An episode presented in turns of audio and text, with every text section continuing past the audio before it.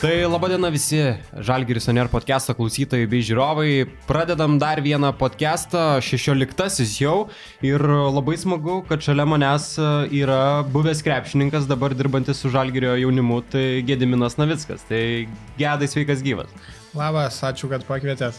Uh, laukiai pakvietimo į podcast'ą? Ne, nelaukiau, iš tikrųjų, bet, bet smagu, kad pakvietėt tokiu metu. Tai reikia pasistengti, kad įdomu, kad būtų ką veikti klausytojams ir žiūrovom. Tai prieš podcastą su Gedu sakom, vienas kito paskaidrinsim dienas dabar, ar ne, pakalbėdami, pabendraudami, kažkaip kitaip biški bus. Taip, vienareikšmiškai. Kaip pats leidai dabar tas dienas karantino metu? Kažkas naujo gyvenime vyksta, bandai kažkokių naujų dalykų, galbūt skaitai daugiau knygų, gamini ar, ar panašiai? Gamin turbūt jau neprisiversiu, kad ir kiek čia karantinas, karantinas būtų. Bet taip atrandu iš tikrųjų naujų dalykų. Man atrodo, kad visiems mums čia skirtas šitas laikas tokiam tobulėjimui, tai visi kažkiek tais patobulėsim, kažkas vienoje srityje, kažkas kitoje. Aš tai iš tikrųjų atradau, neatradau, o prisiminiau rytus, aš mėgstu labai rytus, tai dabar kiekvieną rytą vaikštau, bėgioju, sportuoju miškuose, netgi tuose, kuriuose nesu gyvenime buvęs, tai man tas, ta mano rutina rytinė labai patinka. Pagaliau gal užsikūriau sportui truputėlį, nes iki karantino tai buvau turbūt e, suskaičiuot galėjau ant rankų, kiek kartų sportavau po karjeros pabaigos, bet dabar atrodo, bandžiau, bandžiau ten, bet nepavykdavo niekaip tos tokios rutinos, o dabar e, džiaugiuosi, kad jinai atsiranda, o svarbiausiai, kad ir noras grįžta sportuoti. Bet žinok, tu man šiek tiek keli motivacijas, nes Instagrame pažiūriu, prabundu kokį pusę devinių, galvoju, nu, aš ankstyvas gerai prabudau, eisiu kažką veikti, žiūriu nuo septynių gedas, jau įsikėlęs miškė nuotrauką, ne, kaip lak laksto, vaikšto. Taip, man labai patinka iš tikrųjų gamta, aš truputėlį per tą visą, per tą bėgimą truputėlį ir tas metas mano toks buvo šitie metai karjeros pabaiga, daug pasikeitimų, tai aš buvau tai truputėlį apleidęs, bet dabar prisimenu ir, ir, ir su tokia nauja jėga prisimenu. Bet tikriausiai po ilgo, ilgos krepšininko karjeros mažiausiai ko noris tai sportuoti, kad taip jau buvai apleidęs. Ai, tiesiog e, buvo daug naujų dalykų, į kuriuos aš norėjau gilintis e, čia savo naujoje veikloje. Tai teisindavau save, aišku, kad laiko nėra, bet kai, kai nori labai, tai to laiko visą laiką atrandi, tai čia turbūt tik tais motivacijos tokia ir pasiryžimo toka buvo iš mano pusės. Aš manau, kad dabar visi klausytojai, tarp jų ir aš, klausydamas tavęs galvoja apie save, nes lygiai taip pat sakom visi, nu čia dabar nėra laiko, čia dabar reikia tą parašyti, tą darbą padaryti, tas sportas palauks, palauks, bet uh, reikia taip negalvoti, ar ne, ir tada rasim to laiko. Taip, taip, tikrai laiko galima rasti, reikia tik pasiryžimo ir visai po to kita savijauta ir uh, mintys. Uh, galbūt žiūrovai arba klausytojai, kurie nežino, galim priminti, jog Gedas turi brolį dvynę, ar ne? E, Kestutį taip pat e, labai kietą badmintoninką ir jis e, dirbo Danijoje dabar, ar ne, kurį laiką ir grįžo į Lietuvą. Galbūt taip. ir su Kestučiu dabar daugiau laiko praleidžiat. A, jis, jis Klaipėdoj dabar. Iš tikrųjų, dėl brolio netgi karantinę teko pabūti dvi savaitės, nes jisai grįžo iš Danijos ir jau kitą dieną pas, susitikom, pasisveikinom, pabuvom ir, ir, ir jau kitą dieną paskelbė, kad tai yra rizikos zona Danija ir visi, kurie turėjo kontaktą, turi savizolacijos laikytis, tai turėjau va, truputėlį pabūti daugiau namie, bet dabar mažiau leidžiam laiko, nes jisai klaipėdai būna, o aš čia kaune. Bet kiek teko peržiūrėti jūsų socialinius tinklus abiejų prieš ruošiantis e, pokalbį, tai labai stiprus ryšys tarp jūsų dviejų yra, ar ne? Vienas kito nuotraukomis dalinatės ir panašiai. Taip, labai stiprus nuo, nuo, nuo pat e, mažens. Aš žinau, kad kiti dviniai netaip gerai sutarė, broliai sesės, bet mes tai iš tikrųjų turim tą labai tvirtą ryšį, kuriuo labai džiaugiuosi ir tikrai, nu, brolis yra jau ne vieną kartą ir jisai ir, ir aš esu sakęs, kad didžiausia gyvenimo dovana. O kitus brolius dvinius arba sesės žinot, esat bendravę su kokiais? Tai taip, su broliais žymiausiais pabendraujam. Ponais Lavrinovičiais? Taip, taip, su jais pabendraujam. Tai va, tai, o daugiau, daugiau Nu vis, jeigu gatvėje pamatom, tai pasisveikinam, užkalbinam. Kaip gedai atsitiko taip, jog vienas pasirinko krepšinį, o kitas pasirinko badmintoną? Ai, čia turbūt pats mistiškiausias klausimas tarp mūsų ir brolio, ne vieną kartą esam atsakinėję, kaip aš tokį, turiu tokį pasakymą, tai kodėl aš krepšinį pasirinkau, turbūt nekeista Lietuvoje, bet kodėl jisai badmintoną, tai dar iki šiol sunku supras, bet kaip vėliau išryškėjo, taip ir e, yra, kad aš daugiau komandinio sporto šakos atstovas, o jisai daugiau individualaus sporto atstovas pagal asmenybę turbūt. O tu galbūt pameni tą momentą, kai jūs vedė galbūt į treniruotės ir vienas nuėjo vieną pusę, kitas į kitą. Kaip vyko tas procesas? A, dabar jau gerai neatsimenu, bet uh, brolio treneris badmintono pirmas buvo tėčio draugas, tai kažkaip jį ten prikalbino, va, imk raketę, važiuojam čia į kelionę ir brolis kažkaip užsikabino, aš niekada nesimėčiau. Nuėjau į krepšinį, dar brolis buvo truputėlį atėjęs ir į krepšinį su manim pažais, bet uh, vienas rungtynės aš tik atsimenu, kai jisai buvo išbėgęs, ten įmetė tokią verpstę, kurią mes iki po verpstės du taškus, kurią dabar dar vis prisimenam. Nuotrauka namuose ir net tas verpstės. tai va, kad mažai tų nuotraukų dar tada darydavo. Bet e, jisai greit kažkaip tais grįžo į badmintoną. O tu nebu, nebandėjai badmintoną? Ne, aš turbūt esu krepšininkas geriausiai žaidžiantis badmintoną Lietuvoje, bet tai turbūt labai žemas lygis. Užsirašęs kur nors Facebook'e, kad geriausias krepšininkas žaidžiantis badmintoną? Dar ne, bet reikėtų mesti iššūkį, va, turnyrą kokį suorganizuoti. O su broliu darydavot kokias išdaigas? Bandydavot apgaudinėti kitus? Nes jūs šiaip esat labai panašus. Nu, man atrodo, kad mes esam panašus. Tai tau atrodo, visiems atrodo, nes jūs ir esat panašus. Ja, visiems dabar jau gal atrodo, tenka gatvėje dažnai pasisveikinti su žmonėm, kurių aš tikrai nepažįstu ir nesu matęs.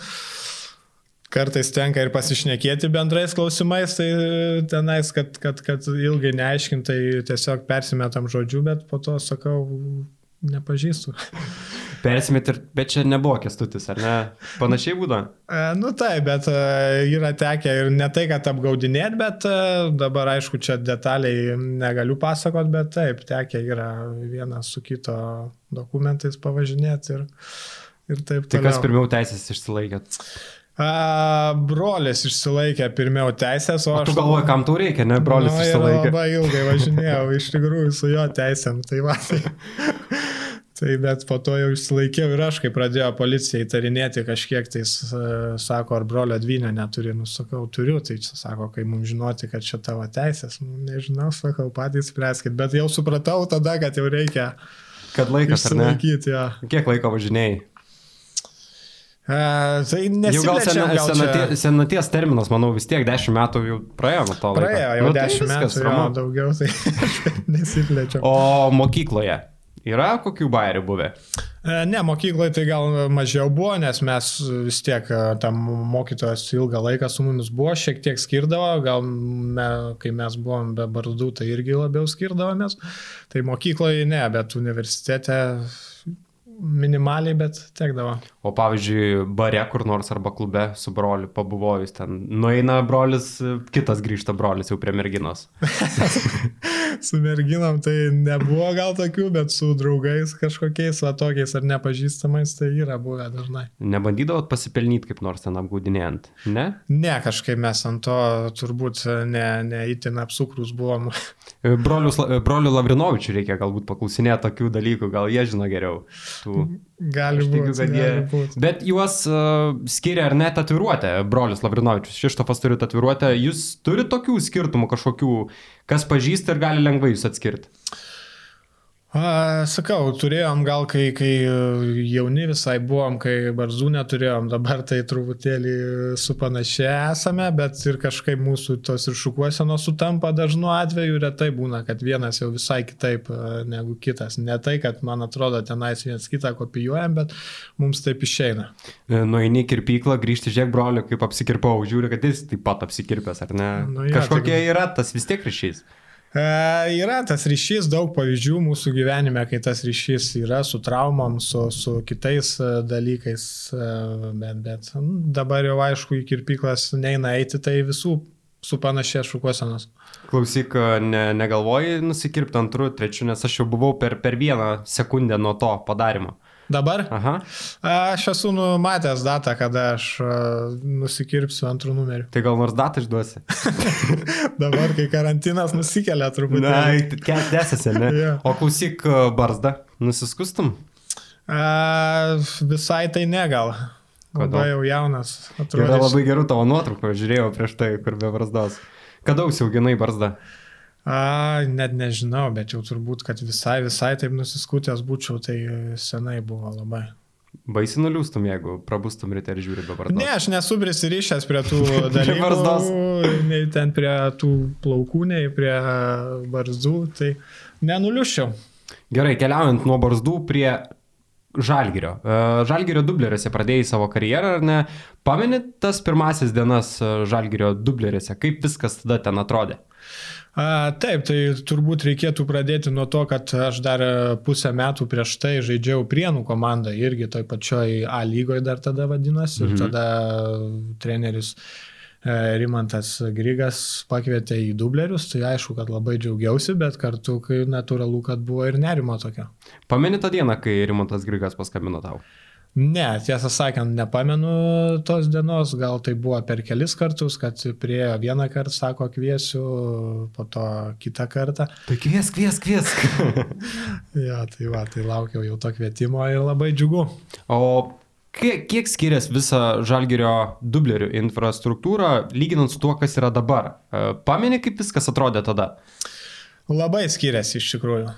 Labai skiriasi dėl to, dėl to Dėl visko, pradedant kaustoji treniravimosi sąlygom, baigiant ten važinėjimais, autobusais rungtynės, valgymais po rungtynių ir tuo treniruočio procesu dabar mes turim gal septyni žmonės stafę, tada turbūt buvo gal tik du ar trys, o daugiausiai darbo treneris Grygas atlikdavo, dabar tas yra ir trenerių daugiau, ir tų individualių įgūdžių visko daugiau, tada viskas buvo kažkaip tais paprasčiau, bet irgi ir iš to meto aš matau pliusų.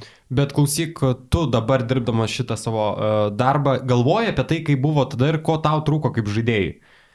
A, taip, kaip žai, aš galvoju, ko man trūko, tiesa, aš tai save skaičiau visada tokių profesionalų, kuris atlieka viską, bent jau stengiasi visas jėgas atiduoti, bet, bet uh, Kažkiek skirtumų taip yra, bet aš tai priemu labai natūraliai. Aš nesakau, kad turi būti taip kaip prieš 20 metų, bet to aš džiaugiuosi, kad aš tą visą evoliuciją mačiau, to krepšinio ir treniruočių, viską, tai aš stengiuosi tai priimti kaip naująją kartą. Ir, bet to aš ir pats save skaitau, kad viską mačiau ir dar dalyvavau nesenai viskame. Kalbant apie tavo profesionalumą, Jonas Mačiulis yra minėjęs viename iš interviu LKL-ui, berots, jog jūs su broliu buvote vieni iš darbščiausių ir kad dirbdavo daugiau nei Jonas Mačiulis, nei Paulius Jankūnas ir kiti. Pameni tas momentas, kad likdavo ilgiau treniruotėse? Tai talento nėra, tai reikia dirbti. reikia dirbti ja. Bet aš kaip juokauju, tai aš savęs ten kažkokiu labai ypatingai gerų krepšininkų neskai, ne, neskaičiau, bet, bet profesionalų tai skaičiau save ir stengdavausi perduoti ir jaunesniems žaidėjams, ir kai kapitonas būdavau, parodyti savo pavyzdžių tą tokį profesionalumą. Tai taip, kažkiek tais daugiau, ypatingai vasarom, tai aš jausdavau, kad, kad, kad dirbdavau daugiau, bet tuo pačiu suvokdavau, kad su mano ūgiu svoriu reikia daugiau dirbti. O tai klausyk, kaip jūs su broliu treniruodavotės, lakstydavot kartu ar panašiai, nes specifika labai skiriasi sportu. Taip, bet mes, brolis, tai daug, daug labai užsienį būdavo, bet jau kai grįždavom, tai visą laiką daugiausiai tam fiziniam pasiruošimui skirdavom laiko, nes galvodavom, kad mūsų ta stiprybė toks yra tas fizinis pasiruošimas. Bet tikriausiai ir būdavo paprasčiau, kai šalia yra brolis ir papušindavo, pamotivuodavo ir panašiai. Taip, aišku, ypatingai, kad brolis tai ir šiaip man yra labai toks geras sportininko pavyzdys, aš visą laiką tai deklaravau. Tai, tai jisai jau būdavo dar tikrai, reikia pripažinti, profesionalesnis negu aš. Aš dar ten kartais kaip komandinio sporto atstovas kažkur, tai gal... Pasislėpdavai po nugaros, ar ne? Simuliuoti jo, bet jisai visą laiką sakydavo, nevai varom. Po tų dviejų gerų sezonų dubleriuose, du sezonus, ar ne, praleidai dubleriuose, tu atsiradai Žalgerio pagrindinį komandą ir tada buvo nerealių vyrukų toj komandai. Nu, fantastiškų. Tai Sabonis, Berdas, Pekas ar ne, Timinskas, Berd, Berdą jau minėjau, taip. Kiek buvo įspūdinga žaisti su tokiais žaidėjais ir būti kartu treniruotėse? Kaip iš dublerio atėjus tau, va taip, Sabonis, Berdas, Timinskas, Pekas, e, visi? Man dabar truputėlį per didelis tas žingsnis, e, kai aš pažiūriu į tą perspektyvą, per didelis, aš buvau išpūtęs akis ir toks e, daugiau, daugiau žiūrėjau, kad nesugadinti, negu padėti. Tai aš manau, kad tai buvo mano minusas. Šiais laikais kažkaip tais ta kultūra tokia jaunimo, kad visą laiką nori lipti per tas galvas, tai aš toks nebuvau. Uh, Bet aišku, tą pirmą treniruotę, kai Pekas atvažiavo, aš labai gerai atsimenu, kaip jisai ten mane ant pečio pasidėjęs, mėtė iš pakrepšio. Tai tikrai didelį įspūdį padarė, bet tuo pačiu šitie visi žmonės, kur išvardinai, tai labai didelį pamatą padėjo mano tolimesniai karjerai, tolimesniam suvokimui tokiam, koks turi būti profesionalas ir, ir, ir kaip prižiūrėti savo kūną. Ir, ir kaip elgtis už aikštės ribų, tai visi šitie, kurie paminėjai, tai aš juos turbūt tais pavyzdžiais ir skaitau. E, klausyk, va, tu užsiminėjai apie tai, kad galbūt buvo per didelis žingsnis, ar ne, iš dublerių šokti iš karto į pagrindinę komandą. Turbūt dabar ir kalbėdami su Pauliumi Matejūnu Robertu Jaftoko apie jaunųjų žalgyriečių ūkdymą ir kalbat, kokį reikėtų tą laiptelį padaryti, kad būtų tinkamas, ar ne? Taip, visą laiką va, to balanso, turbūt vienas didžiausių iššūkių tą balansą rasti. Tiesa, dabar žalgyrio standartai labai yra aukšti ir, ir, ir, ir Eurolygo jau taikosi ne tai, kad išlikti ar į antrą etapą patekti, bet jau yra tikslai visai kiti.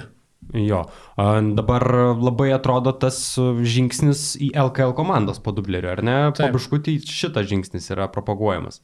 Kalbant apie tą 2004-2005 metų sezoną, Mindaugas Timinskas taip pat buvo jau mano minėtas, jis lankėsi ir čia, Žalgeris Oner podcast ir tu pamenote jie ir sakai, čia yra tikrasis kapitonas. Noriu, kaip sakant, pasikalbėti, nusifotografuoti ir prisiminti tuos laikus, ar ne?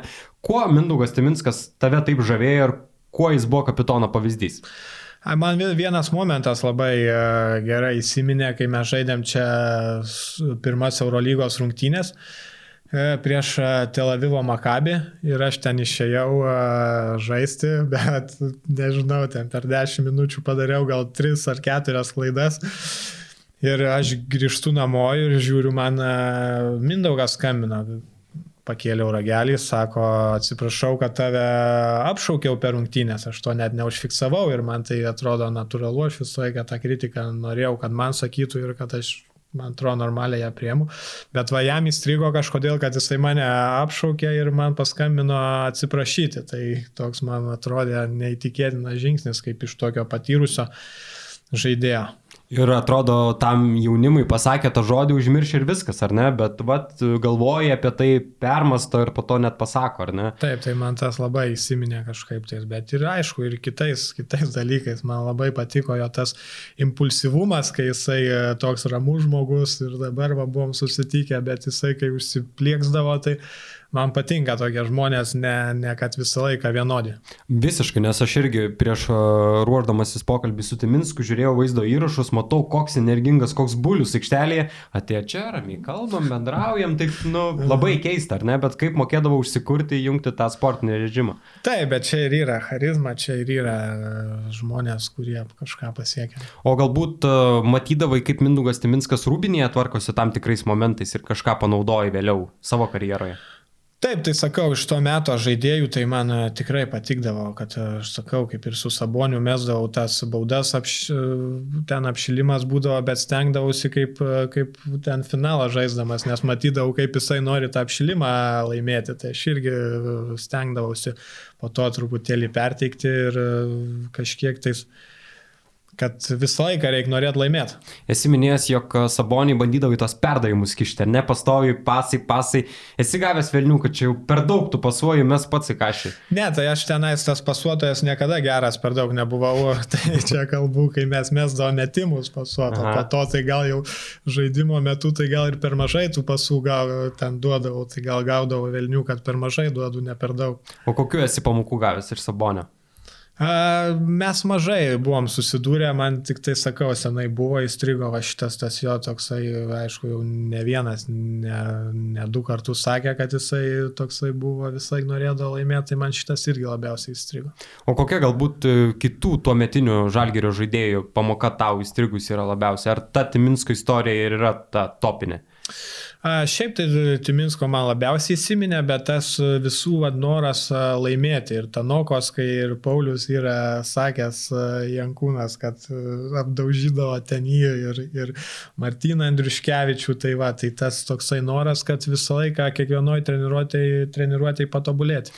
Va, užsiminė apie Martyną Andriuškevičių, tuo metu buvo ir jis, ir Vilmantas Dilys taip pat. Ir Tais laikais jie buvo laikyti didžiausi Lietuvos talentai, aukščiausio lygio. E, neblogas buvo jų karjeros, bet jie nepasiekė to, ko galbūt iš jų tikėjosi žmonės. Kaip viskas atrodė, kalbant apie juos tada, kokie jie buvo talentai ir kaip galvoji, kodėl nepavyko galbūt viso to potencialo išpildyti? Nu, tiesą sakant, aš jų karjerų sėkmingom nevadinčiau ką žinau, man atrodo, kad e, kiekvienas, e, čia tik mano asmeninė nuomonė, bet kiekvienas iš savo kūno, jeigu jis nori būti profesionalių krepšininkų, turi spausti maksimumą. Tai maksimumas tai yra ir darbas treniruotėse, ir darbas su savim, ir koks tu, ne koks tu ten pasiekė LK lygį, bet gal tu galėjai NBA pasiekti. Gal kažkas džiaugiasi, kad LKL pasiekė, bet jeigu tavo duomenys, e, treneriai mato tave NBA, tai kam susitaikyti su LKL. Tai jų atveju, aišku, Martinas pažaidė NBA viską. Pabuvojo. Bet, taip, bet aišku, visur, visur reikia ir aplinkybių. Ne tik kartais atrodo, kad padarai viską, ką gali, bet e, aplinkybės irgi šiek tiek yra, duoda tos tokios ne visada susiklosto jos geriausiai, bet mano devizas visada buvo, kad padaryk viskas, kas nuo tavęs priklauso, o po to jau žiūrėk, kaip tos aplinkybės susidėlios. Tai to šiek tiek truko iš jų. Mm, ne man spręsti, bet žiūrint, kokius jie duomenys turėjo ir ką pasiekė, tai turbūt, kad taip. Aš apie tai ir kalbu, kad jų potencialas buvo didžiulis ir kalbant apie tai, koks buvo potencialas, jis nebuvo išpildytas. Apie tai ir e, kalbam. Mano asmeninė nuomonė tai. Ja, tai lygiai taip pat galvoju ir aš. Kalbant toliau apie tą e, Žalgirio komandą, tu minėjai apie rungtynes e, prieš Makabį, ar ne? Pameni savo pirmasis rungtynes? E, vilkint žalgerio marškinėlius. Kaip rankos drebėjo tada?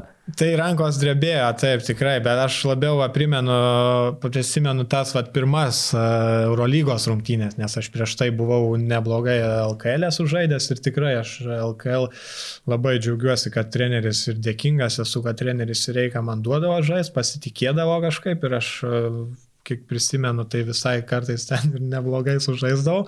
Tai buvau kaip tik neblogą atkarpą LKL sužaidęs ir išleido to Eurolygoje. Tai prisimenu, kad sėdėdamas jau ten ant to keitimo, tai tikrai per bijojau taip, kaip neturėtų krepšininkas bijoti, jeigu mhm. nori gerai sužaisti. O ne aptemdavo akise, kai reikėdavo jau išbėgti arba apšilimo metu, nes žinau, tokių krepšininkų man yra pasakojo, jog sako, apšilimas prasideda prieš rungtynės jau temsta akise, ar ne?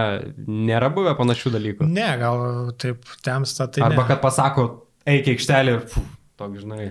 A, ne, aptem, neaptemsta būdavo tas širdies daužimasis nenormalus, bet, bet kaip aš ir sakau dabar mūsų, mūsų jaunimui, tai tas va, širdies daužimasis ir yra tas adrenalinas, kurio man dabar labiausiai trūksta kai jau aš baigiau karjerą. Bet turbūt e, stebint tuos dabar jaunuosius talentus, e, Kero Krisas, pavyzdžiui, tas baudos metimas ir jo tas džiaugsmas, ar ne, tai ir duoda, ar ne tokias emocijas, tau patinka tai matyti? Taip, man patinka charizmatiški žaidėjai, man patinka žaidėjai, iš kurių kartais nežinai, ko laukti. Tai, tai, tai taip. O dabar stebint kokį Roką Jokubaitį, dažnai pagiri jį, vat, Jis irgi toks vienas iš drąsesnių, sakykim taip. Taip, aš šiaip e, mažai susiduriu su pagrindinė komanda, bet jeigu prasilenkiam, tai palinkiu sėkmės ir man tai vis tiek smagu, kai tas jaunimas tobulėja ir, ir, ir galų gale išsikovoja tą savo vietą. O kurios tau rungtynės Žalgerio komandoje yra įsiminusios labiausiai? Prieš Makabį? A, ne, turbūt e, ne prieš Makabį, man labiausiai įsiminė prieš Šiaulius, kai aš žaidžiau, aš tada sužaidžiau rezultatyviausias, man atrodo, ir naudingiausias rungtynės. Tai, tai man atrodo, 19 taškų įmečiau ir tai po to jau, kai pasirodė, buvo labai svarbios rungtynės, nes e, Šiaulių treneris buvo treneris Būtautas ir jis po to mane pakvietė į, po to sezono į e, jaunimo rinktinę, pirmą kartą turbūt per visą mano karjerą, labai laiku, kai tapom pasaulio čempionais. Bet gerai, sakai, žiūrėk, podcast'o pradžioje, kad labai svarbu aplinkybės, ar ne? Ir taip viskas susidėliojo, jog 25 tapote pasaulio čempionais.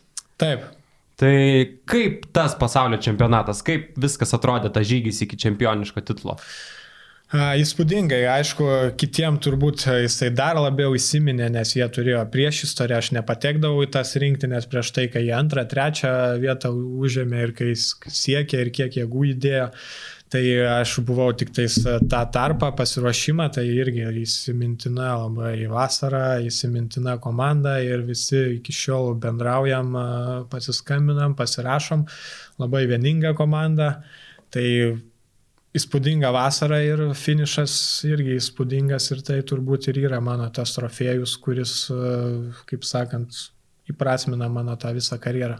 Bet žiūrint iš dabartinės perspektyvos, nereali komanda tada buvo, ar ne? Kokios pavardės Jonas Mačiulis, Paulius Jankūnas, Stepanas Babrauskas, Artūras Jomantas, Antanas Kavaliauskas, Renaldas Įbūtis, labai, labai rimta šutvė, ar ne? Taip. Taip, tikrai komanda buvo įspūdinga. Ir dar dabar daug žaidžiančių ir, kaip aš sakau, irgi ne tik geri žaidėjai ir geros linksmos, charizmatiškos asmenybės, tai manau buvo labai geras mišinys. O jūs buvot pasižadėję, ką nors, ką padarysite, jeigu laimėsite čempionatą? Na, nu, žinai, kaip populiarų galvas nusikirpti dar kažką. Kažkokių kalbų buvo, man atrodo, aš tenais vakarėlio įkarštį ir mane apkirpti gal norėjo, bet, bet kažkaip tais ne. Susistabdėjai? Kažkaip pabėgau, gal greičiausias buvau. O jūs su kokiamis mintimis važiavote į tą čempionatą? A, tai ir buvo apie tai, ką aš kalbu, tai buvo Hebra, kuris siekia maksimumą. Jau su tuo tikslu ir važiavote, ar ne? Ne kad pakovoti, o laimėti, triumfuoti. Taip. O klausyk, tas čempionatas buvo įspūdingas, kaip minėjai, Būtautas tave pasikvietė į komandą. Ar tikrai dėl tų rungtynių esi klausęs, kad prieš Šiaulius sužaidai labai gerai ir tave po to pakvietė? Ar tu taip galvoji? Ne tik manau dėl tų rungtynių, aš manau, kad tai buvo viena iš priežasčių kažkaip tais, kai aš tikrai tokį statementą dėjau. Priverti susimastyti, ar ne? Ja, priverčiau susimastyti, bet e, po to aš e, po žalgerio pusę sezono dar žaidžiau panevežį ir man atrodo, kad neblogai žaidžiau, tai va, tai iš karto po to ir, ir pakvietė. Labai neblogai žaidyti ant panevežį, labai gerai. Tai, man patiko tenais metas. O klausyk, iš tų uh, visų skirtingų komandų, kuriuose esi buvęs, uh, kurios tau užsiminė labiausiai, kurie metai tau buvo ypatingi? Turbūt tas metas iki traumų man buvo ypatingas ir, ir man labai patiko irgi ir Dzukijoje paskutinius metus žaisti, kai jau sakau, aš grįžau į lygą, kuri yra profesionali, kur komandos jau visai kito, kito lygio. Ir aš labai vertinau tą krepšinį, mūsų tą disciplinuotą lietuvišką krepšinį, man jame labai patiko žaisti ir tai va, tai sakykime, prieš traumas ir, ir, ir va, žalgerio tenais laikai, panevežio laikai, rinktinės va, tos jaunimojo laikai. O po to jau, aišku, man užsienis irgi labai daug, daug davė kaip asmenybė subręsti viską ir kaip lyderio savybėm, nes kai legionierius esi iš tavęs žymiai daugiau reikalaujama ir po to tie paskutiniai sezonai. O jausdavai, kaip būdavai legionierius, kad iš tavęs daugiau reikalauja ir kiti? kiti standartai. Taip, aišku. Taip, Būdavo, tai, ar ne? Taip, kai aš sakau, vat, man to tokio lyderystės, kai Lietuvoje pradėjau ir Žalgirį pradėjau, tos lyderystės man trūko truputėlį, tai aš, vat, būdamas legionierių, man atrodo, kad tą truputėlį išsiugdžiau. O klausyk, sakai, grįžai į Lietuvos Dzukiją ir LKL buvo pasikeitęs. Kuo jis buvo pasikeitęs, kuo jis kitoks nei prieš tau išvykstant? Mano akimis tai labai pakilęs lygis ir e, komandų, aišku, visa ta komunikacija, vis, visas tas e, marketingas ir profesionalumas ir, aišku, arenos visų pirma tai žymiai geresnės negu tenais anksčiau būdavo visur šalta, visur, visur rūbinės nekokios, o dabar viskas tikrai pas mus Lietuvoje didžiuojasi, kad yra tokios sąlygos, kokios dabar yra. O kas senais laikais būdavo taip keiščiausia, kuo tos rūbinės būdavo tokios? E, Tai tada, kai esi jaunas, tai viskas tenai tinka, svarbu išbėgti Soliukas. į tą aikštelę, tai, bet kai jau dabar gale karjeros vis tiek tokius dalykus aš visą laiką pastebėdavau aplinkui. Bet klausant tavęs, atrodo, kad tau tikrai svarbu ne tai, kas tik vyksta aikštelė, bet visi tie organizaciniai dalykai, ar ne? Taip, man visada jie buvo labai įdomus, ypatingai paskutinius penkis metus karjeros ir aš turbūt per tai ir subrandinau tą tokį savyje mintį, kuo aš noriu būti po karjeros. O jau baiginėjant karjerą, žinojai, jog vat, į šitą pusę būtent ir nori krypti šalia krepšinio, ar turėjai kažkokių kitų variantų? A, ne, kaip ir sakau, tuos paskutinius metus aš labai džiaugiuosi, kad subrandinau labai tokį realią tą savo ir norą ir kad aš nesimėčiau, aš supratau, kad aš noriu dirbti E, nenoriu būti šiam momentui treneriu ir noriu gilintis va, į šitą daugiau organizacinę pusę. O tai, buvo pasiūlymų trenerių kur nors eiti darbuotis? Kad ne, nebuvo pasiūlymų trenerių, nes dar niekas, kaip visi nustebo, kad aš tą karjerą baigiau. Aišku, galbūt meilikauja šiek tiek, bet sako, kad dar galėjau žaisti. Bet tu minėjai, kad jau kai nebebus tau to potraukio krepšiniui, tada ir baigsi. Bet buvo tas potraukis, ar ne? Buvo potraukis, aš nebaigiau krepšinio dėl to, kad aš ten nemylėjau tos, vat, ar būtų atsibodę. Ar, ar būtų atsibodę, man vis dar patiko treniruotis, patiko, aš iki paskutinių rungtynių jaučiau tą tokį, kaip ir sakau, tą jaudulį tokį prieš rungtynės, kas mane vesdavo į priekį. Ir patikdavo tos visos emocijos, ir rūbiniai ten patikdavo būti, bet, bet aš jau jaučiau, kad aš kaip krepšininkas nepatobulėsiu, kaip asmenybė krepšinė irgi nepatob, nepatobulėsiu, ir, o aš turiu tą vat, norą tobulėti ir, ir, ir jaučiau, kad jau reikia baigti, nes po to jau, kai atsibos, tai jau bus tada nebeįdomu. O klausyk, tu per uh, savo karjerą, kaip minėjai, daug dirbdavai, daug stengdavaisi papildomai dirbti, tikrai žiūrėdavai tai profesionaliai. Uh, tekdavo galbūt jaunimą, kuris nebuvo toks uh, kaip tu darbštus biški pamokyti, pamotivuoti, kažką pasakyti. A, minimaliai, aš nenorėjau būti tas toksai krepšininkas, kur, kur... Aiškina, ar ne? jo, kaip pensininkas, kai aiškina tenais, kaip... Dataus ir iškai. jo, jo, kaip čia žaisti, kaip čia viską, viską žiūrėti profesionaliai. Gal savo pavyzdžius stengdavausi daugiau parodyti, bet kad tenais aiškinti ir reguliuoti, tai stengdavausi to nedaryti. Bet klausyk, paskutiniai metai labai simboliškai baigėsi NKL čempiono titulu, ar ne? Kiek buvo įspūdinga taip pat užbaigti tą savo karjerą? Man dabar, kai žiūriu, man patiko, iš tikrųjų tas sprendimas tada išeiti iš Dukijos ganėtinai sunku, kas buvo, bet dabar, kai žiūriu atgal, iš tikrųjų aš norėjau baigti karjerą žaisdamas, aš norėjau baigti karjerą, kad ir kai sako, jeigu negali laimėti kažkur aukštam lygiai, žemink lygiai ir tada laimėk, ar ne? laimėk. Tai čia toks juokas, bet aišku, laimėti čempiono titulų, kaip be būtų tikrai geras akcentas. Aišku, kad ir koks čempiono titulas, jis aišku, kad yra svarbus ir, ir smagiausia švesti po to tas pergalės. Taip, ir švesti, ir, ir, ir tas tokia emocija liko tikrai gera. O tu klausyk, dzukiai, būdamas jau savo, sakei, kad paskutinis sezonas, nu ir nenoriu šis prasidėti tą sezoną. Taip, aš žinau, kad tai yra mano paskutinis e, sezonas, niekam to nedeklaravau, bet, bet, e, bet ir tikrai nenorėjau tenais, kaip buvo ta situacija, kad uh, mažiau žaisdavau, tai pats tik nusprendžiau, manęs ten niekas nevarė, nieko, bet aš pats nusprendžiau, kad, kad reikia varyti naujų iššūkių. Klausyk, kai esi profesionalas, turi treniruotis, turi labai aišku režimą, turi sveikai maitintis, turi nebalevoti, turi eiti į rungtynes ir panašiai. Ką pirmiausia padarai baigęs karjerą? Ką svajojai padaryti ir kas buvo tavo tie pirmi žingsniai? A, kaip ir sakau, man tas krepšinis nebuvo tokia kančia ir kad aš ten kentėčiau, kad kažko negaliu, aš visą laiką tai traktavau, kad tai yra geriausia profesija, kokia įmanoma. Žaidži žaidimą ar ne, ir dar gauni ilgą. Žaidimą jo ir Bet pasileidau su tuo maitinimu, su, su tais kažkaip tais. Bet klausyk, gerai atrodai, nu, gražiai, ne, ne, nepripilnėjęs, ar pridėjai kažkiek? Ne, pridėt nepridėjau, bet e, toks, kai pradedu dabar krosą bėgti, suprantu, kad e, tą pusę metų režimo nesilaikiau tikrai. O kai buvai krepšininkas, pilnai laikydavaisi to mytybos plano kažkokio sudaryti?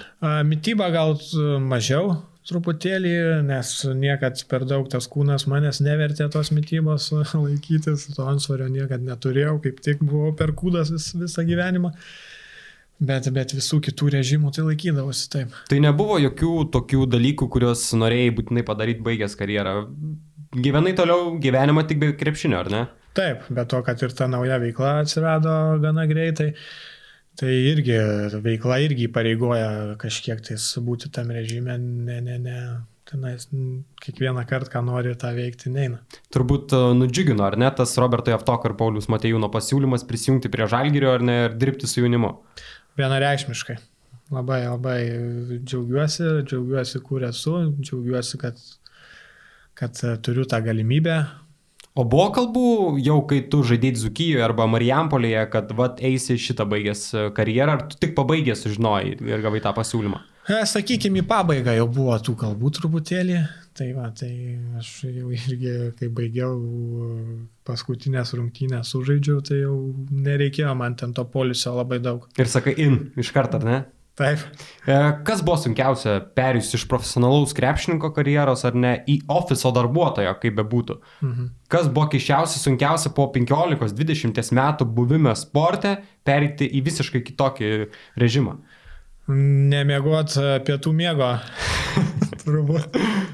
Pirmą valandą jau, ar ne? Pirmą valandą jau reikia eiti kavos pasidaryti. Jo. Tai aišku, buvo labai daug naujų dalykų, tuo labiau, kad aš kad ir stebėdavau tuos procesus, domėjausi tais procesais, e, truputėlį ir organizuodavau jau kažką iki tol, e, iki pradėdamas dirbti, bet uh, Aišku, kad buvo nemažai naujų dalykų, ypatingai iš tos pusės teisinės, finansinės, kur tenai rašliavos gaudavau velnių ir nuo mūsų finansų skyriaus, ir nuo teisės skyriaus, tai imdavausi ten už galvos pradžiai, bet po to, man atrodo, įpratau truputėlį, patobulėjau, kad ten reikia rašyti mailus, kad kartais žodžių susitarti neužtenka, reikia parašyti, kad visiems viskas būtų, būtų aišku.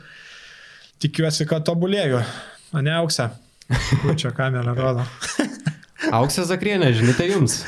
Tai perdam linkėjimus auksiai. Uh, gal neduos labai pilos daug, kaip sakai. Tobulėjai, eini į priekį. Pats jauti, kad eina viskas aukštyn ir geryn ir kur kas labiau gaudasi visuose situacijose. Aš taip tikiuosi ir tokią nuomonę turiu. Taip. Tikėkime, kad auksė nepaneiks, ar ne? Taip. O Paulius Matejūnas ir Robertas Jeftokas, ką iš jų pavyko tau pasimti per tą laiką? Tai man atrodo, kad aš ir pasimti, ir dar dabar pasiminėjau, ir dar ir pasimsiu. Tai, tai kol kas dar tikiuosi, kad kažką tai duodu, bet aišku, vienareikšmiškai, kad man tas mokymasis iš tokios organizacijos, iš va, šitų žmonių, iš Pauliaus Roberto, tai yra neįkainojamas. Uh, nereikia net sakyti turbūt, kad aš esu dėkingas ir už galimybę, ir už, tą, ir už galimybę, kad turiu, galiu būti čia ir kad galiu mokintis iš geriausių. Tai visiems žiūrovams ir klausytojams galim priminti, jog e, Gediminas darbuojasi su Žalgerio dubleriais, ar ne, yra atsakingas būtent už juos. E, už antrą ir trečią komandą. Vat ir už antrą ir už trečią komandą, būtent už jas abi. Uh, Kas pačiam sunkiausia, kalbant apie tai, apie žalgirių dublerius, apie trečios komandos, kuri žaidžia regioninį krepšinio lygoje, kas ten buvo tau sunkiausia ir neįprasta? A, neįprasta gal buvo vis tiek, kad su jaunimu reikia kantrybės. Aš toks esu, bent jau skaičiau, kad skaitau save to truputėlį kartais impulsyvių, kartais per daug impulsyvių. Karjeros metu tai man e, padėdavo, kartais e, pakengdavo su techniniam pražangom ir tom tokiu, kad kartais per daug užsivesdavau. E, bet čia irgi turiu rasti tą balansą, kur, kur, kaip sakant, griežtesnį žodį pasakyti, kur reikia dar pagalvoti du kartus ir į to jaunuolio įeiti uh, vėžės ir iš jo perspektyvos pasižiūrėti. Kiek dažnai tenka būti jų tėčių, mama, psichologų? Draugų? A, mes turim labai gerą trenerių komandą, trenerių stafą, tai yra ir pat, geras mišinys labai ir patyrusių, ir, ir, ir, ir jaunų trenerių. Tai aš tą tokį palieku daugelį darbo ir treneriam, stengiuosi nesikišti į tą vat, visą treniruočio procesą, nes jie tikrai yra ir treneris Arvidas. Ir Vytautas jau jie yra ilgesnį laiką tame krepšinė, krepšinėje, tai aš kartais tik tais pasakau, ko mes tikimės iš organizacijos pusės e, ir, ir kurią linkme einame. Jo, tikriausiai ir jaunimui labai smagu, kai stebi ar ne prieš rungtynės jų apšilimus, tai ir Darius ir tautas papildomai su jais dirba ir tautvidas Sabonis, ar ne, visi darbuojasi, atrodo gali pabendrauti, pasikalbėti, yra toks ryšys tarpusavį, ar ne? Taip, taip, vienareikšmiškai aš labai džiaugiuosi, kad mes turim galimybę tokį, tokią trenerių komandą komandą turėti, kur vienas kitą papildo ir, ir, ir kaip sakant, tikrai matom, kad jaunimas tobulė. O tai klausyk iškvietimų ten iš dėstytojų ar mokytojų nesigavęs už dublerius, kad nepadarė namų darbų ar panašiai. O esu, tai čia yra pagrindinė dabar mano profesija, ne? Mūsų, mūsų organizacijos visos jo užduotis, kad jie būtų ne tik geri krepšinio aikštelė, ir, bet, ir, bet ir mokykloje būtų geri, rodytų tą pavyzdį ne tik krepšinio aikšteliai savo klasiokam, bet ir pamokose, ir savo elgesiu, ir savo vertybėm. Kaip tvarkaisi su tuo? Nu, mes turim dabar, aš bendrauju su, su visom auklėtojom, mokytojais jaunuolių, tai va, iš tikrųjų aš neįsivaizdavau, kad, kad, kad tokia didelė ta problema ir kad tie pažymiai ir tas lankomumas toks prastas yra. Bet stengiamės visi ir su treneriais, ir aš stengiuosi, ir, ir mokytojais, ir, ir su tėvais kalbamės, kad ne visi tais profesionaliais krepšininkais bus. Todėl mes reikės turim, plano B, taip, ne? Reikės plano B ir mes e, stengiamės, kad jie turėtų tą planą B. O bando įsigilinti tavo tas mintis žaidėjai? Jauti kažkokį progresą įėjimą į priekį? A, kad ir sulaukiam, sulaukiam iš tikrųjų ir padėkų iš auklėtojų, kad, kad e, ačiū už tą darbą, ačiū už tas pastangas, tai tas labiausiai ir motivuoja stengtis toliau. Dar šitie metai tokie, sakyčiau, yra tokie eksperimentiniai, bet jau nuo kitų metų turėsim, manau, tikrai griežtas taisyklės tuo atveju. Jau dabar yra pagerėję, bet e, dar turim, turim kur dirbti tuo klausimu. Turit minčių, kaip tą visą suvaldyti? Taip, gaila, kad tas karantinas čia, virusas truputėlį išmušė iš ritmo, bet, bet viskas mano akimis eina gerąją linkmę. Jo, čia prieš e, nutraukiant NKL e, tą sezoną, Gedas sako, pirmas sezonas ir va šitaip viskas baigsis, ar ne? Liūdna šiek tiek. A, šiek tiek liūdna, bet aš žiūriu į priekį, kad, kad, kad tai ir išmokins mus visus ir žaidėjus, žaidėjai suvoks, gal, galbūt irgi ir treneriai, ir mes visi, kad mum, kiek mums tas darbas patinka ir kaip nefainai sėdėti nam, namie be to darbo, nes žaidėjai kartais galbūt visi pasiskundžia, kad ai čia tos treniruotės, čia taip toliau. Bet dabar suvoksim, man kiek mes mylim tą krepšinį. O dabar prilaikai jaunimą, klausia, ar treniruojasi, ar sportuoja, ar dirba, siunti programas. A, tai vyks, treneriai tai paruošia programas fizinio pasiruošimo ir video, ir, ir, ir teorinę dalį. Šiandien turim online visą susitikimą ir antros ir trečios komandos su treneriais darysim irgi mankštą treniruotę per programėlę online. Planuojam, kad ir paskaitas psichologo vesime per, per, per, per online. Tai va, tai stengsime palaikyti tą ryšį. Iki šiol tai e, tik tais pasiskambindavom vieni su kitais, bet dabar žiūrim, kad neaišku, kada čia baigsis, tai jau reikia pamatyti vieni kitiem. Kaip, vieni e, kitus. Kaip reaguoja visą tą situaciją jaunimėlis? Ką sako? A, nori eiti sportuoti. Nori... Jau atsibodo namie būti. Ja, reikia, reikia užkalt duris papildomais užraktais, nes tikrai nori visi eiti sportuoti, bet turim laikytis tų rekomendacijų. Tai bando, bando jaunimas vis tiek judėti, nepleisti ar ne ir eiti į priekį. Taip, aišku, mes dabar sunku ką patikrinti, kaip jie ten sportuoja, bet, bet programas turi, manau, kad tikrai yra sąmoningi ir, sportuoja. Rokas, kai buvo pas mus studijoje, sakau, būna taip, kad per kalėdas pailsi daugiau, ar ne? Sako, kad labai greitai patikrina, sako, mūsų, mūsų rebaliuką, ar priaugam ar nepriaugam. Tai čia, taip, taip. manau, kad gali pažiūrėti ir pamatyti, ar ten paaugęs ar nepaaugęs. Kalbant apie tas NKL keliones, kai jos dar būdavo, keliaudavai kartu su komanda išvykas, keliaudavai, ar ne? Kalbant apie tas keliones, čia buvo klausimas irgi, uh, Koks yra užsakymas McDonald'e visos e, NKL komandas? Big Mac'a, Big Mac'o kompleksas arba tas Roy Royal. piragėlis ir magnagės. Viską atmintinai žinai, ar ne? Nu, žinau, mano darbas užsakyti viską. Tai... O tai klausyk, pagrindinė yra sustojimo vieta važiuojant jau iš e, rungtinių namo? A, ne, tai ne visur yra, pas mus ten NKL, e, ne visur ten McDonald's yra. Tiksliau, mažiau kur yra jau. Mažiau ne? kur yra, tai va, tai mes, kaip sakant, daugiausiai čia tos Lietuvos aplankom turbūt visų miestų, miestelių. Tai ne visur yra, bet, bet džiaugiuosi, kad žaidėjai sąmoningi ir ne tik McDonald's mėgsta, bet ir kitokius patiekalus. O kaip sprendi tą problemą su maistu? Nes, nu, rungtynės kartais baigėsi tikrai vėlai. Šeštą prasideda ketvirtadienis, prasidėdavo ar ne, aštuntą baigęs, dar kol grįžti ir panašiai jau naktis. Kaip reikia spręsti tą situaciją, kas yra svarbu jaunimui? Taip, labai svarbu ir mes džiaugiuosi, kad mes į tai, tai šiemet tikrai kreipiame dėmesį, tai po kiekvienų rungtynių sus, sus, užsakoma kažkokioje ar kavinėje, ar pizzerijoje, ar restorane maistą ir ir valgom autobuse. Tai manau, kad tikrai labai svarbu jaunimui, kad, kad atstatyti tas jėgas. E, kiek pats esi patenkintas per tuos metus, ką pavyko nuveikti su Žalgirio dubleriais, su trečia komanda, e, kiek paeiti į priekį ir ko galbūt dar trūksta, kur norėtum dar pasistiepti, ką norėtum dar įdėkti? Visur po truputį, tai e, ir labai, man atrodo, kad visi džiaugiamės tokiu ryšiu su Žalgerio krepšinio mokykla. Uh, Turim ir projektų, ir, ir mokymų, ir, ir mūsų treneris Arvidas Gronskis, mok, kaip pasakyti, ne tai, kad mokina, bet supažindina, ką mes trečioje ir antroje komandoje darome.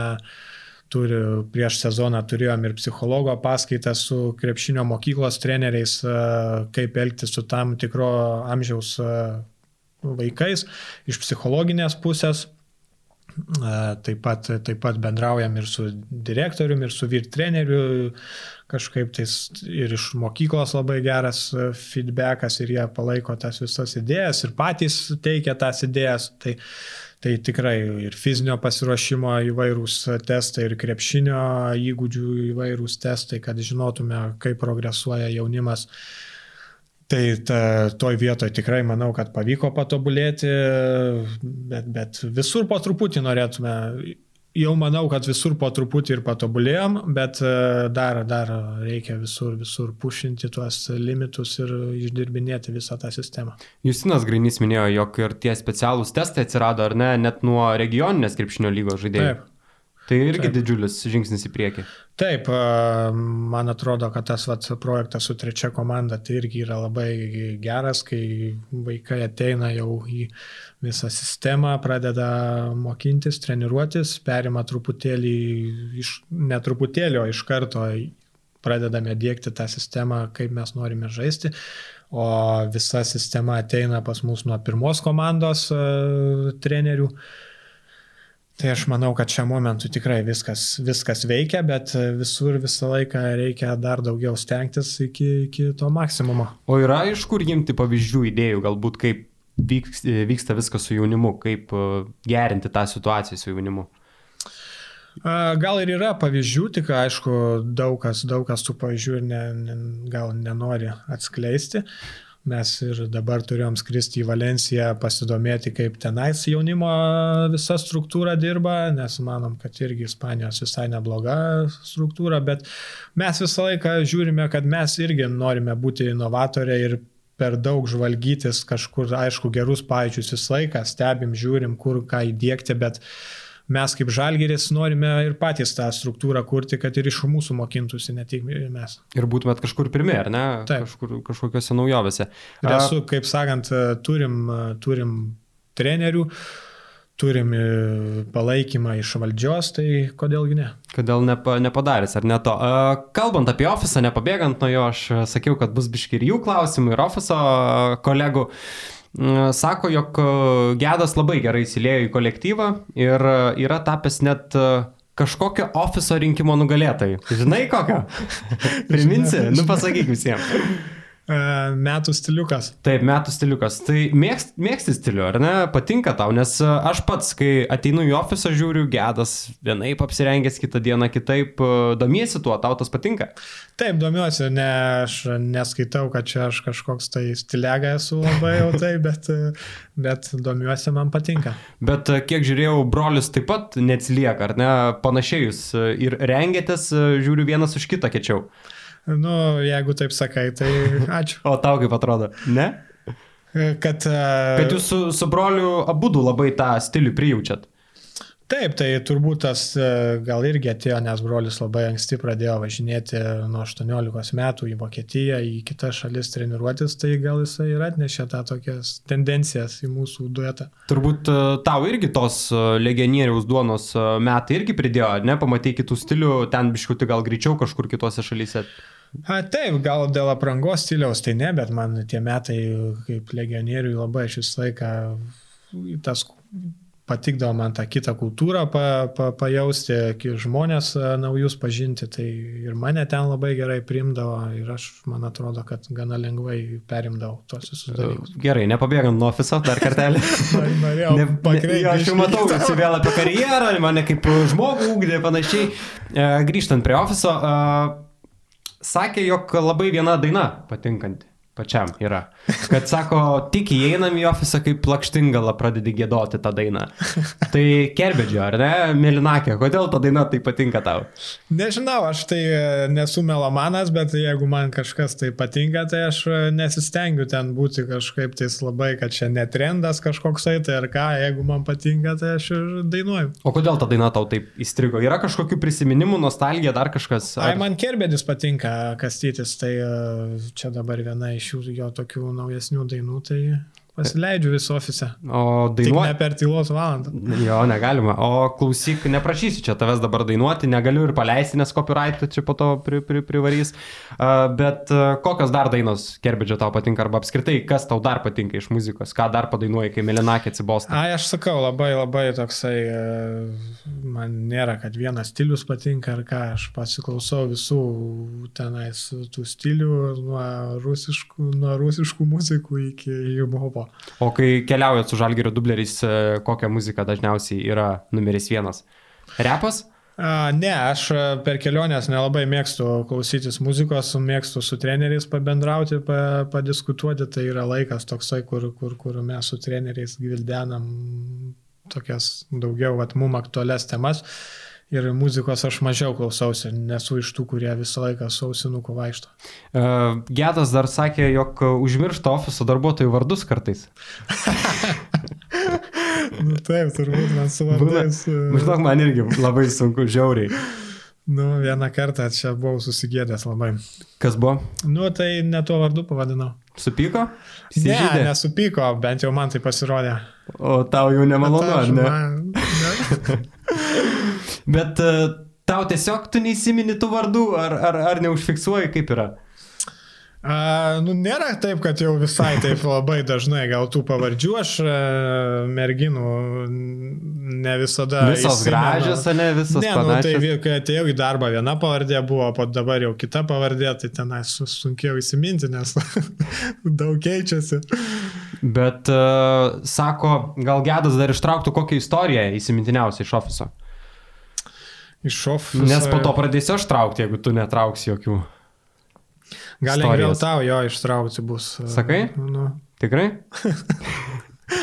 Jeigu be kompromituojančių. Tai va, tai geriau tu kokią papasako, gal yra buvę, ar nėra? Nėra, viskas labai gražiai, to lygiai eina ofise ir nėra jokių... Ai, man atrodo, kad mūsų tas gyvenimas ofiso toks fainas, linksmas, su savais tokiais bairiais, tai Viskas eina gerai, ne? Viskas eina gerai, džiaugiuosi, kad sako, kad aš įsiliejau ir... Nu ir paskutinis, ir paskutinis klausimas iš ofiso sako, kur gedui ir kaip gedui buvo smagiau baliavoti, sako, per uh, krepšininko karjerą, kaip buvo krepšininkas ar dabar kaip ofiso darbuotojas? Jo, aš esu sakęs, jau tai savo žodžių neįsižadėsiu, kad, kad, kad e, su krepšininkais buvo smagu, tikrai niekas nepaneigs, bet, bet su ofisu irgi labai smagu, ne, ne mažiau sakyčiau. O skiriasi tas šventimas? Ai, kad e, turbūt Visur vienodas. iki tam tikros valandos, e, po tam tikros valandos visur panašus. Uh, gerai, aš žinok, esu tau dar priruošęs ir blitz klausimų, turim nemažai ir uh, žiūrovų klausimų, matei, kad ten galėjau užduoti tau ir tikrai pridėrėjo jų nemažai, uh, tai turiu tau paruošęs aštuonis blitz klausimus, pradedam gerai? Gerai. Davai. Stilingiausias žalgyrėtis. Uh, Joke Lendale. Lendylas? Matai, vyko rinkimai Taip. Instagrame. Tai balsavai už Lendylą, ne? E, balsavau už kitą, bet čia jau tik dėl, dėl draugystės. A, už ką balsavai? Už Paulių. A, iš Paulių. Paulius dabar dėja, bet antrąją vietą užėmė. Tai laimėjo e, Tomasas Volkupas. Jo. Gaila, ne? E, už kokią sumą pinigų nusiskustum barzdą? Gerai, žiūrėk, aš dabar tau sakysiu sumas. 50 eurų. Gal ne už pinigus, gal už kažkokius tais uh, iššūkius, Gerai. gal už kažkokius E, tai. NKL pirmenybėse užėmėt ketvirtą vietą. Nusiskustum ar ne? O dabar pasakyčiau iš karto, kad užėmėt ketvirtą vietą kitam sezonui. Ar mažai? Ne, ketvirtą ne, bet e, jeigu prizinė, tai drąsiai. Trečia? Nu, Tai nuo trečios į viršų. Taip. Trečią. Tik trečią užėmėt. Gerai. Nusiskustum, ar ne? Taip. Gerai. E, kuriam šių metų dublerių žaidėjai patikėtum savaitį važiuoti tavo automobiliu, vairuoti tavo automobilį? Bet tu negalėtum jo kontroliuoti, paduodi raktelius ir po savaitės tik pamatai, koks tas automobilis. Kapitonui Kozui. Kozė, ar neduotum? Kapitono pavyzdys? Va, ne tai, kad e, pavyzdys, bet, bet, bet. e, Pasitikėtum, ar ne? Pasitikėčiau, taip. Šiaip Kozys yra turbūt vienas kovingiausių žaidėjų, kokius matęs e, per mano istoriją. Tarkim, dubleris, kai stebėdavau, nu ten kovingumo žmogaus, tai ir esu klausęs, sakau, kodėl tu sakau taip labai stipriai, sako, o kam kovot kamuolius, kapitonui reikia, nu kas kovos dėl tų kamuolių. Tai tikrai maladėts.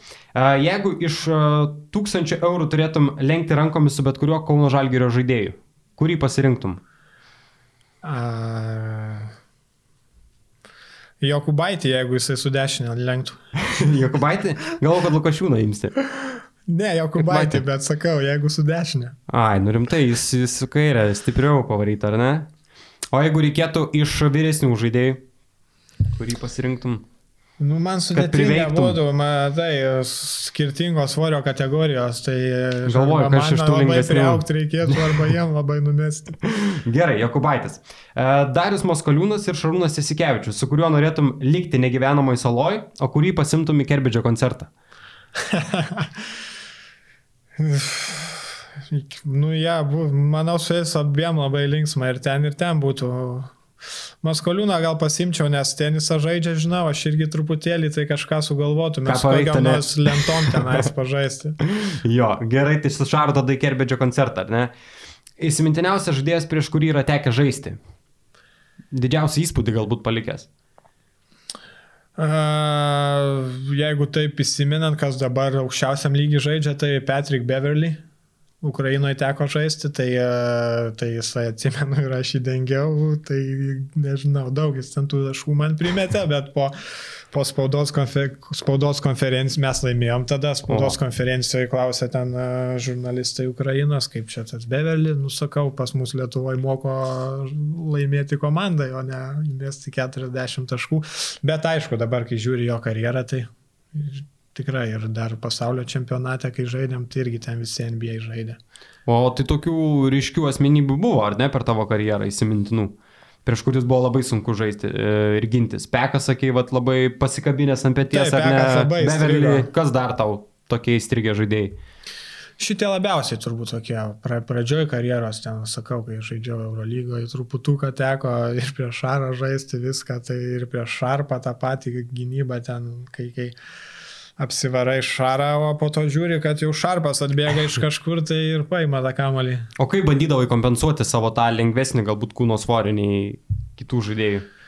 Kovingumu? E, Greičių turbūt e, bandydavau, tik tiek, kad po to tos, tos e, traumos labai užklupo, tai mažiau to greičio liko, bet vis tiek. Tai gausi kamuolį, bėgi į priekį, ne, trenerių žodžiai. Nu, stengdavosi jau tai pagreitinti tą žaidimą. E, Gerai, skaudžiausias pralaimėjimas krepšinio aikštelėje. Tai kalbėjom apie tą 2005 finalą kaip vieną įsimintiniausių, ar ne? O koks buvo skaudžiausias pralaimėjimas tavo asmeniškai? Skaudžiausias, galvoju, kuris čia man buvo labai skaudus. Nebuvo tokio vieno labai skaudaus, aš tų finalų, kaip sakant, ne tiek labai jau daug žaidžiau. Surinkti nepavyko nugalėti, tai kažkokio vieno labai skaudaus dabar neatsimenu. Mhm. Ir paskutinis, mėgstamiausias posakis. Turi moto kažkokį posakį? Reikėtų gerai. Knygutę atsiversti. Knygutę, jo, pas, kur pasirašęs visus. Nesivadovauji, neturi kažkokių tokių savo, ne, posakių, moto galbūt, kurie tave... Tai mano moto tai visą laiką, vat, ir darbe, ir, ir karjeroje buvo, kaip ir sakiau, tas, kad uh, daryk viską, ką geriausiai gali, kas priklauso nuo tavęs, o po to jau nesižvalgyk į aplinkybės, kas nuo tavęs nepriklauso. Nuklausyk, čia tikras pavyzdys jauniems žaidėjams tokie žodžiai kad tik jausis... Ai, nenoriu aš čia labai saldžiai taip uh, skambėti, bet, bet, bet aš tuo vadovavausi ir džiaugiuosi, kad kažkaip tais, kad ir buvo kažkas, ką galėjau karjeroje pakeisti, tai viską dėl to padariau. Perinam į paskutinę mūsų dalį, tai yra žiūrovų klausimai. E, prizus įsigė Žalgirių Shop ir tau reikės išrinkti e, geriausią klausimo autorių ir jam e, padovanoti būtent šias dovanas, pasirašyti ant kamoliuko. Tai e, turim net 10 klausimų iš žiūrovų, tai pradėkim. Danisevičius klausė, girdėtas vyrukas, ar ne? Girdėtas. Buvęs kolega Lietuvos Dukijos komandoje, kas yra Manhattano stilius ir kiek laiko užtrunka visų sonariukų prasukimas? Tai į pirmą klausimą dabar atsakome. Koks ten stilius ir apie ką kalba? Manheteno stilius tai e, kai, kai e, didžiuliai kontrastai yra, pavyzdžiui, treninginės kelnes ir ten kokie nors klasikiniai marškiniai ir kepurė, tai čia mano tik toksai išvestas Manheteno stilius. A, tavo? nu, aš taip įvardinau kažkaip, tai kai Manheteno stilių. E, ir dar antras, ai, sonariukus, kiek ja. prasuk, nu jo, čia amžinas juokas buvo. o kas čia per bairis? Čia bairis tas, kad e, kažkurį laiką brolis su treneriu Mikalausku treniravosi vasarom ir aš prisijungdavau ir labai daug dėmesio skirdavom tam tokiam pramankštai prieš pramankštą. Prieš apšilimą. Taip, tokie visokie, tai, tai visus tos sanariukus man užtrukdavo 20 minučių prasukti. Tai kiek ten, kaip sukinėdavai, po nu, kiek tai, serijų? Tai jau čia, kai veteranas buvau, tai daug tų scenariukų. Kad mažiau bėgti reikėtų, ar ne, daugiau laiko. E, yra dar buvę viena istorija, kad mm, lakstydavot labai greitai per pasirinkimą e, surinktinę jaunimo, ar ne? Ten į Birutės kalną berots. Taip. Kaip ten tos istorijos būdavo? Tai ten istorijos būdavo tokios, kad konkuruodavom aš, Prekevičius ir Babrauskas. Tai kiekvienas turi savo versiją, kuris ten buvo greičiausias. Tai tu greičiausias tavo versijai? E, mano versijoje, mano versijoje gal Prekevičius kažkada geroj formui buvo ir aplenkė. Tave ar ne? Taip. Bet o stebo paklaustume, tai tikrai stebas pasakytų, kad jisai. o visi kiti buvo gale? Toliau nuo jūsų? Ar jie net nesiveldavo į šitą jūsų trijo? visi ten veldavosi, bet, bet Bet truputėlį aplenkdavom, taip. O nebūdavo tokių, kur, ai, bėkit čia, jeigu norit, man tai čia nereikia, žinai, tipo. Ai, nesakau, to rinktiniai tai visi stengiasi. Užsimotivavę, ar ne? Gerai pavaryti. O klausyk, tą, kalbant apie tą stilių, nepabėgant, pačiam patinka tas Manhattano stilius? Tai Manhattano stilius, tai aš turiu omeny, kad New York'e žmonės yra kažkaip mhm. tais... To, kažkaip tokias, tai panašiai. Taip, kai jie mėgsta tos kontrastus ir kažkaip tais tenais gali ir su pižama pamatyti. Išėjusius žmonės į gatvę, tai nuo to gal daugiau pavadinimas. Uh, antras klausimas, Donatas 15 klausė, kokius keturis įžymius krepšininkus pasimtum į komandą žaidžiant 5 prieš 5? Tai tu esi numeris vienas, įžaidėjas. Kas būtų atakuojantis gynėjas tavo svajonių penketuke? Atakuojantis uh, uh, Seibutis gal? Gerai, Renaldas Seibutis. Nes ir gynasi gerai, ir puola gerai. Man tai e, Renaldo labiausiai įsimintinės yra epizodas, kai jis rinktiniai žaisdamas E, bandydavo varžovai įsimesti iš užribio ir jis šokinėdavo tą savo firminį. Ir atsimenu, porą kartų labai svarbių momentų buvo, kai sustabdė su savo tais Uh, turėjo jis tą užsidėgymo irgi kovotojo charakterį. Ir turi. Taip, taip, mes su juo, vat, kaip tik, vat, kai aš žaidžiau Dzukijoje, jis žaidė Žalgerį, tai visą laiką aš jaučiau, kad jisai, nežinau kaip prieš kitus, bet prieš mane tai jisai baisiai stengdavosi ten gintis, nes mes vasarą, kai aš gyvendavau palangoj, tris mėnesius paskutinių dešimt vasarų, tai uh, su juo sportuodavom, tai mes ten viens kitam norėdavom kažkaip tais kažką įrodyti, tai, tai jisai labai stengdavosi tikrai. E, gerai, trečias žaidėjas, lengvasis kraštas. E, man kažkodėl visi iš tos vat, mūsų jaunimo rinktinės kartos įstringa, tai imčiau mačiulį. Mačiulį, ar ne? Ketvirtasis numeris Jankūnas? Be abejonės. Nu ir numeris penki? Numeris 5 reikėtų kokio nors, kur kamolius kovoja ir mažiau meta, kad, kad mums daugiau liksų, būtų pamesta, ne? Liksų metimų. Kas čia tas kamolius gerai kovoja? Su kuo galbūt yra tekę žaisti pačiam, šiaip patinka kaip žaidėjas. Mhm. Uh, Antaną turbūt imčiau. Irgi, ne? Tai beveik realiai visa. Šaikai. Kažkai man taip įstrigę visi kaip, kaip, kaip, kaip asmenybės. Reikia nu, reik žiūrėti, kad ir po, po rungtynių dar smagu būtų pabūti. kad gerai pabūti, jo. E, keliaujam toliau. Kristupas Sakai klausė, kokią e, vieną super, e, pe, e, supergalę norėtum turėti. Rokas Jokbatis sakė, norėtų kaip žmogus voras būti, kad galėtų ant sagų. Žmogus voras. Norėtų būti. O kokią tu norėtum supergalę turėti? Aš gal irgi skraidyti norėčiau. Skraidyti, ar ne? Taip. Šiuo metu dabar panaudotum, ar, ar kaip čia gali? Ai, visą ar... panaudočiau, nes e, man patinka ir naujos vietos, ir apžiūrėti viską, ir kaip, kaip ir sakau, gamta patinka labai, tai iš ten labai gerai matytųsi. Gerai, keliaujam toliau. Uh, Mementas klausė, išsirink du žalgerio žaidėjus, su kuriais žaistum 3 prieš 3 turnyre. 3 prieš 3. Dabartinio žalgerio komandos. Volkupą. Volkupą ar ne? Tu Volkupas. Nu, aš tai savęs jau 3 prieš 3 nu, tikrai turi, nematau. Turi tas, ar tu būsi vadybininkas komandos? Gal vadovas? aš jok motivatorius koks nors galėčiau būti, gal 3 prieš 3 savęs niekada neįsivaizdavau kažkaip. Nežaisdavai? Ne, nes ne nu, ten, sakau, ten kitas svorio kategorija, man net baisu žiūrėti, kaip ten žmonės žaidžia, aš savęs ten neįsivaizduoju. Tai, tai Volkupas, uh, Lydėjai ir, ir, ir, ir, ir Grigonis. Aha, tokį, tu tokius fiziškai stiprius, ar ne? Nu, ten reikia jau truputuką, taip. Ir save ant, suolo. Pakeitimui. Save ant suolo, jo, kad kai laimėtume... Liktų 10 sekundžių eiti. Šviesos, tas būtų į mane. Gerai, e, Justė Ivaškevičiūtė klausė, kaip su mokslais. O, su mokslas tai gerai, ačiū jūs te už klausimą.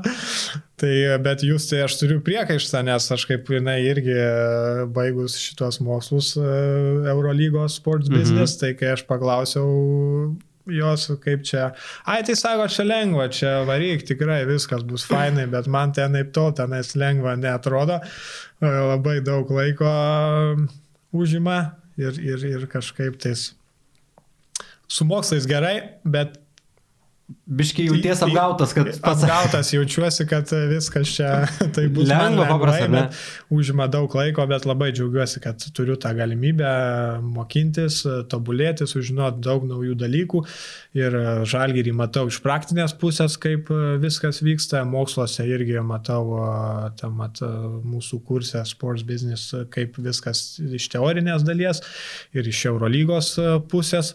Tai labai džiaugiuosi, ypatingai dabar, kai karantinas, tai mokintis. Mėgautis mokslo, ar ne? Mėgautis mokslo. O parašai, jūs tik klausi patarimų.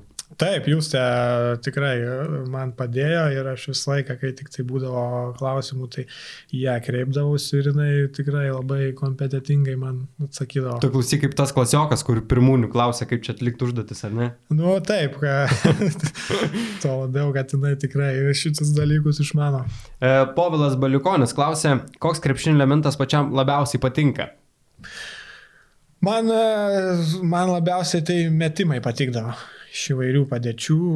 Dabar daug tas krepšinis labai nuėjęs į tuos visus driplingavimus, tai, bet man tai labiausiai patinka metimai. O dėdavai krepšį? Taip, dėdavau, čia per klausimas, nu. kada, kada pirmą kartą dėjai, arba koks įsimintiniausias tavo buvo dėjimas, kad taip jau Aš, e, kai žalgyrį žaidžiau, tai įdėjau netgi per rungtynės kelis kartus. Tai vienas buvo prieš e, Nevėžį, Kauno sporto haliai. ir kitas. Prie Šiaulius ir būtų tą pažiūrėjai, ne? ne, ne, prie Šiaulius neįdėjau, bet įdėjau gal penkis kartus per karjerą ar šešis ir, ir visi manęs to klausia ir labai nustemba, kai aš pasakau, kad taip. Nu kodėl? Šuolis geras ar ne? Geras šuolis?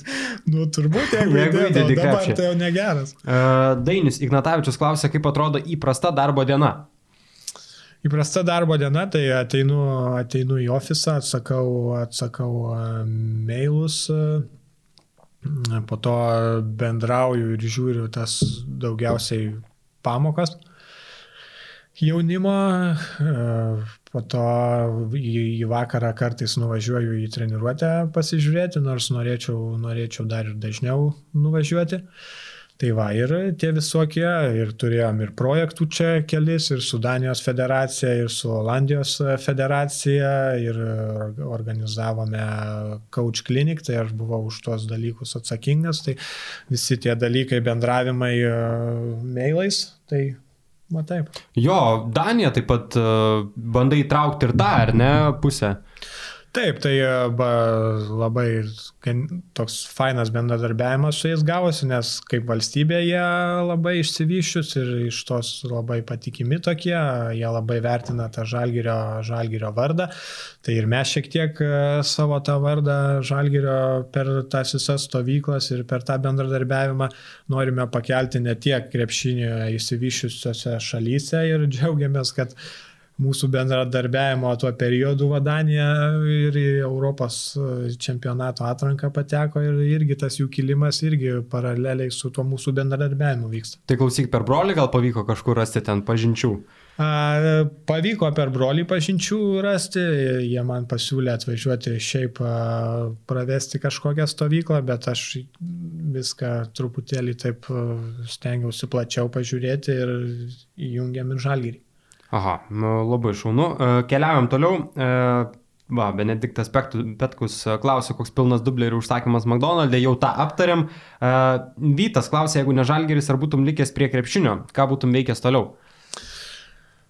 Tai aš turėjau svajonę tapti profesionaliu krepšininku ir toliau ta mano svajonė tęsiasi būti prie krepšinio ir, ir, ir, ir, ir krepšinėje. Tai uh, Nežinau, kas būtų, jeigu būčiau žalgyrio, nes, nesulaukęs pasiūlymo, bet šiam momentui manau, kad tikrai būčiau likęs prie krepšinio. O kai buvai žaidėjas, buvo momentų, kad gal treneriu norėčiau būti?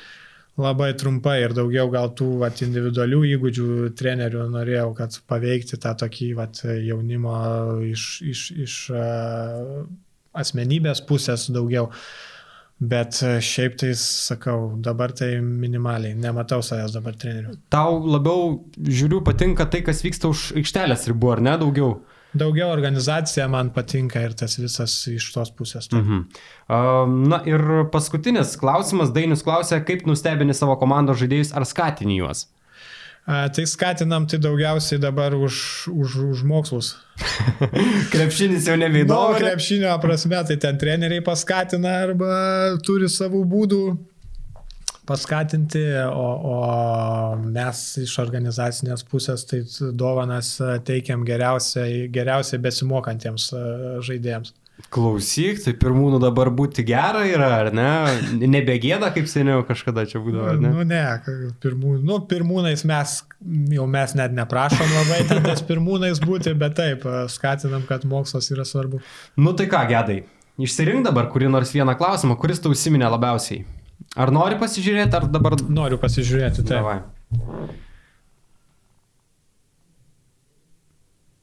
Nu, Dabar visiems klausytojams, kurie galvoja, jog čia yra 10 sekundžių pauzė, primenu, jog... Tai man labiausiai gal Pauliaus Danisevičius patiko, nežinau. Paulius Danisevičius. Apie, apie Manhattano stiliuką ir... Bet tai dabar klausyk, žiūrėk. Jis yra Lietuvos Dzukijos žaidėjas, ar ne? Ir dabar jis ateis su tokia maikutė. Gal... Nu... ne, tai tu man atsakyk, ar, ar, ar bus viskas normalu. Žinai, kai aš mane išvijo iš rungtynių prie žalgerį e, ir aš nuėjau, kai dar Zukijoje žaidžiau e, už, už nesportinę pražangą, ne mano kaltė aišku, kad, kad išvijo teisėjų. bet išvijo iš rungtynių ir aš atsisėdau tenais prie, prie, prie žiūrovų ir prie, prie manęs ir labai vienas taikliai pasakė, nu žinai, mes palaikom Zukiją viską, sergam už ją, nu, bet Žalgeris yra Žalgeris. Tai aš pritaikyčiau čia irgi, vat, jeigu Paulius ateis su Žalgeriu, tai čia visos Lietuvos komanda jau net ne, Bet klausyk, koks vadybininkas moka skleisti visur tą žinią dabar, ne, kad Paulius naitų į Lietuvos komandą su tą maikutė. Vat, vat yra vis tiek ta gislelė, klausyk. Nu tai, tai gerai. Nu, tą virusą, virusą žalgyrės visur skleisti. Nu tai ką, Paulius sveikinam. Paulius Danisevičius laimi, pasirašyk tada ant komoliuko. Pauliui čia XS, XS dydį reikia paimti, čia XS. Nu, jo, jis mažiukas varikliukas, ar ne? Pa, pasirašyk, Paulius, žiūrėk, supykęs dabar bus. Pasirašyk ant kamoliuko. Dabar. Uh, O mes norime visiems priminti, jog mūsų laidos remėjai Žalgiri Shop įsteigė šituos prizus. Žalgiri Shop turi naujų marškinėlių bei bluzonų siuntą, visas prekitės galite įsigyti ir internetu. Taip kad labai smagu, jog Žalgiri Shop yra su mumis. Na, o tiems e, žmonėms, kurie galvoja, kaip jie čia filmuoja tą podcastą karantino metu, tai norime tik priminti, jog laikomės e, reikiamo atstumo, e, su gediminu pusantro metro sėdėm vienas nuo kito tolimiausiuose kampuose, prieš tai viskas buvo dezinfekuota, su juo nesisveikinom tik alkūnėm ar ne, tai gedai galim. Bam. Va, atsisveikinti, o mes priminam, jog sekite mūsų podcast'ą ir Instagrame bei Facebook'e, Žalgiris Onier, ten taip mes vadinamės, o taip pat paspauskite ir sekti varpelį e, Žalgirio YouTube kanale, bet Žalgiris Kaunas ir, kaip sakant, gausite mūsų visos laidas patys pirmieji. Priminam, jog mūsų laidų galite klausytis ne tik YouTube kanale, bet ir visose audio įrašų platformose. Tai ačiū labai gedai, jog atvykai pas mus, manau, suteiksim uh, smagaus laiko visiems žiūrovams ir ką, gero karantino. Ačiū, kad pakvietėt, ačiū tiem, kas klausys. Viso. Čiau.